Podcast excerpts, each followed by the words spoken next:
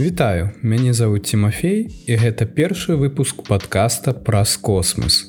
Гэты падкаст будзе уяўляць сабой агляд цікавых, на мой погляд, касмічных навін, касмічных праграм і адкрыццяў. І ўсё гэта будзе на беларускай мове.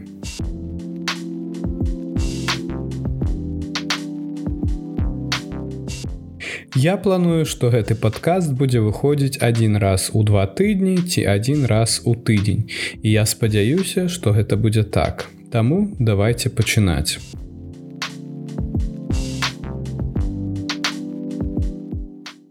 Першая навіна, пра якую вы, магчыма, ўжо чулі, гэта тое, што NASAа ўпершыню атрымала дэталёвы здымак слупоў тварэння. Гэта адбылося з дапамогай новага найбуйнейшага касмічнага тэлескопа Джеймс Веб. Слупы тварэння гэта гіганцкія навалы міжзоркавага газу і пылу, змешчанага ў туманнасці арол у сузор'і змяі. Я пакіну спасылку на фота ў апісанні. Калі вы яшчэ не бачылі гэты прыгожы фотаздымак, то лепш паставіць падказ на паўзу і паглядзець на гэта зараз. Слупы тварэння знаходзяцца ў шасці з паловай сямі тысячах светлавых гадоў ад сонечнай сістэмы. Яны атрымалі сваю назву з-за падабенства да велічных скал. Але складаюцца яны ў асноўным з халоднага малекулярнага вадароду і пылу. Калі ў сярэдзіне гэтых аблокаў газу і пылу ўтвараюцца ўзлы з дастатковай масай, яны пад дзеяннем уласнай гравітацыі пачынаюць разбурацца. І далей яны награваюцца і ў выніку ўтворваюць новыя зоркі. Цікава, што некаторыя астраномы прытрымліваюцца думкі, што слупоў тварэння ўжо не існуе. Здымак аднаго з участкаў, зроблены камерай тэлескопа спіцер у 2006 годзе дазволіў выявіць воблака гарачага пылу каля слупоў тварэння. Астраномы выказалі здагадку, што гэтае воблака ад выбуху звышновай зоркі, які адбыўся каля 6000 гадоў назад і павінен быў знішчыць слупы тварэння. Але яны будуць бачныя з зямлі яшчэ каля тысячи гадоў, бо яны знаходзяцца на адлегласці ў 6 з паловай 7000 светлавых гадоў. Іншыя навукоўцы лічаць, што выбуху магло і не быць, але воблака гарачага газу побач са слупамі тварэння паскорыць іх натуральнае разбурэнне. Тэлескоп Джеймс Веб, з дапамогай якога ўдалося сфотаграфаваць слупы тварэння, быў выведзены на арбіту зямлі 25 снежня 2021 года NASAа сумесна з еўрапейскім і канадскім касмічным агенствам. Гэта самы буйны касмічны тэлескоп калі-небудзь запущены чалавецтвам.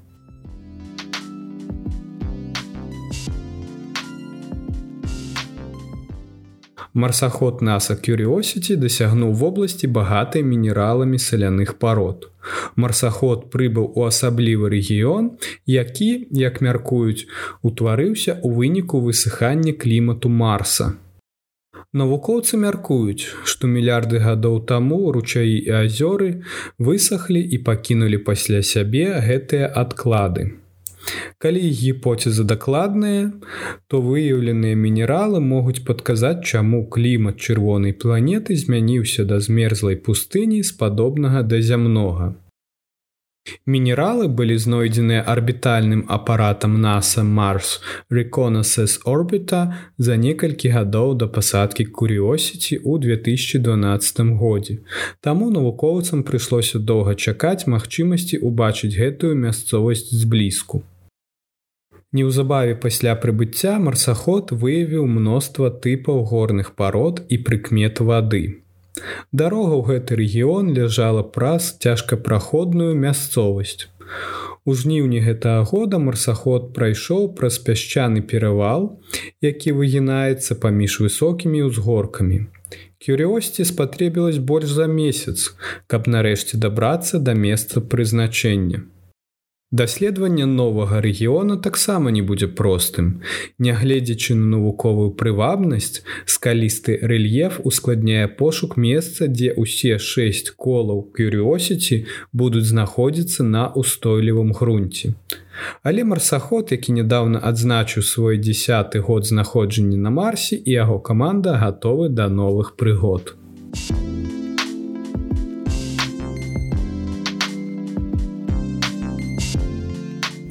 Астранаўты NASA SpaceX Crew4 на борце касмічнага карабля Драган паспяхова прывадніліся ў пятніцу 13 кастрычніка ў узбярэжжа Джексонвіля, штат Флорыда, тым самым завяршыўшы чацвёртую камерцыйную місію агенства на міжнародную касмічную станцыю.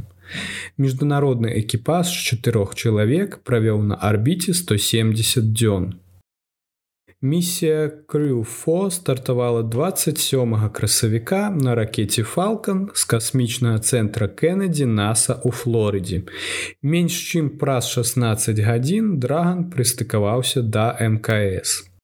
Астранаўты NASA Боб Хайнс, К'ел Лінгрен і Джесіка Воткінс, а таксама астранаўт еўрапейскае касмічнае агенцтва Саманта Крыстафорыці пераадолелі каля 116 мільёнаў 144 1642 кіламетраў падчас сваёй касмічнай місіі і прывялі каля 170 дзён на борце касмічнай станцыі здзейснілі 2720 віткоў вакол зямлі зямлі. На працягу ўсёй сваёй місіі астранаўты удзельнічалі ў мностве навуковых і тэхнічных работ, а таксама ў дэманстрацыях технологій. Крыстафорэтці здзейсніла два выхады ў адкрыты космас разам з касманаўтам Роскосмасу Олегам Арцём'евым для абслугоўвання і мадэрнізацыі станцыі. Палёт крюфо з'яўляецца часткай камерцыйнай праграмы NASA. Яго вяртанне на зямлю ідзе за запускам SpaceX Crew 5, які ўжо прыстыкаваўся да МКС 6 кастрычніка, тым самым пачаўшы яшчэ адну навуковую экспедыцыю.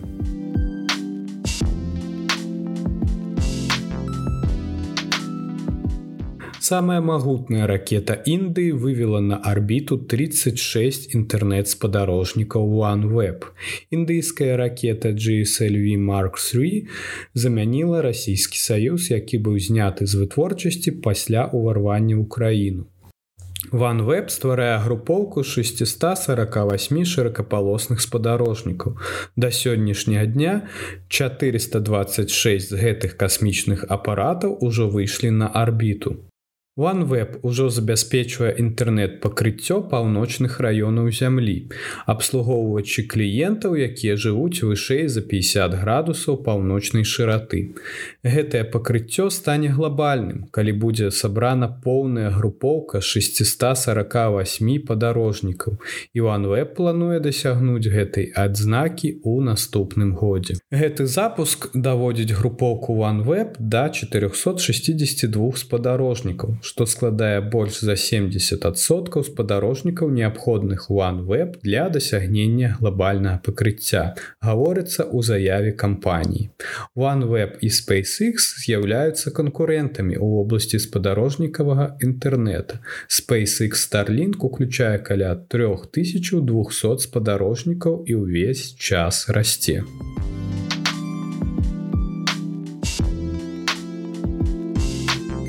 Астраномы выявілі скалістую планету памерам зямлю або суперзямлю.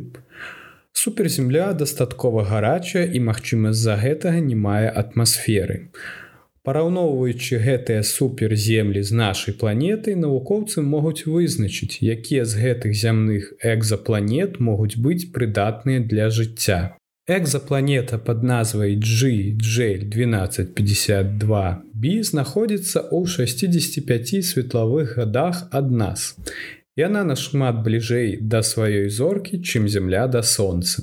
І адзін бок яе, дзённы бок, пастаянна звернуты да сваёй зоркі, павышаючы тэмпературу на экзапланеце. Калі астраномы выкарыстоўвалі касмічны тэлескоп спідзер, які цяпер знаходзіцца на пенсіі для вымярэння інфрачырвоннага выпраменьвання ад 1252, яны выявілі, што дзённая тэмпература планеты дасягнула пякучых 1228 градусаў Цельсія. Навукоўцы лічуць, што гэтая пякучая тэмпература адпавядае таму, што можна было б чакаць ад планеты з голай камяністай паверхні. Больш за тое, каманда выявіла, што 1252 мае павярхоўны ціск не больш за 10 бар, што паказвае на тое, што яго атмасфера, калі яна існуе, павінна быць істотна танчэй, чым у венеры. Даследавальнікі заявілі, што вывучэнне 1252 можа выявіць склад планеты і гэтае даследаванне можа быць распаўсюджана на шматлікія іншыя зямныя міры, падобныя да 1252. Тым самым даючы астраномам лепшае разуменне адносна невялікіх гарачых экзапланет.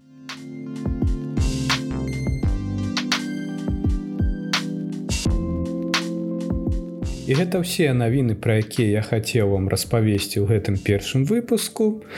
Таму цяпер давайте перайдзем да падзеяў, якія нас чакаюць у бліжэйшы час.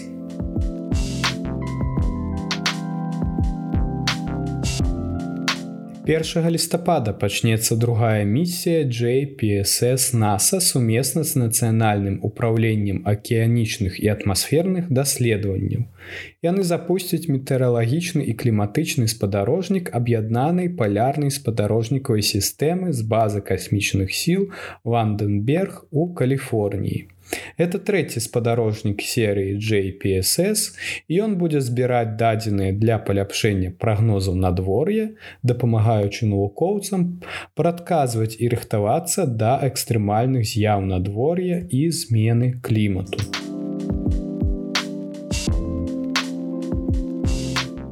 Пік штогадовага метэорнага потоку паўднёвай таўрыды адбудзецца ў ноч з 4 на 5 лістапада паўднёвая таўрыда гэта працяглы струмень які дасягае некалькіх пікаў у перыяд сваёй актыўнасці.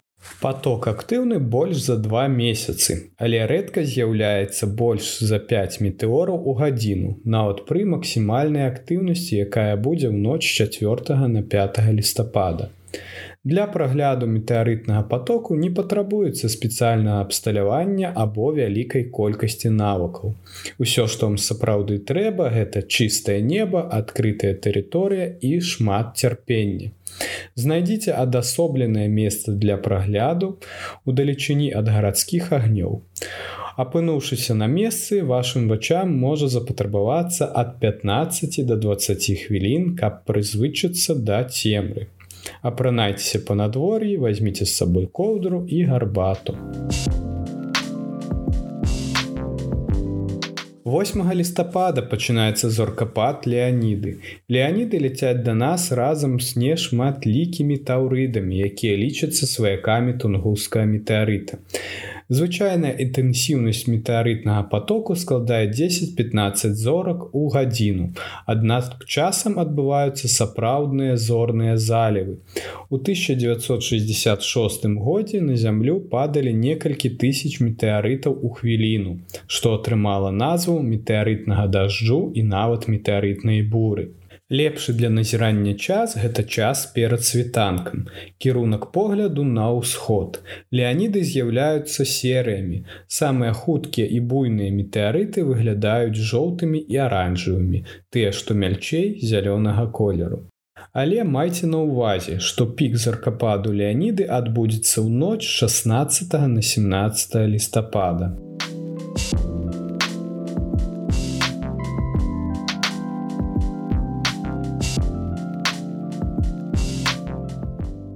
Вось все вялікі дзякуй што даслухалі до конца подкаст атрымаўся карацей чым я чакаў.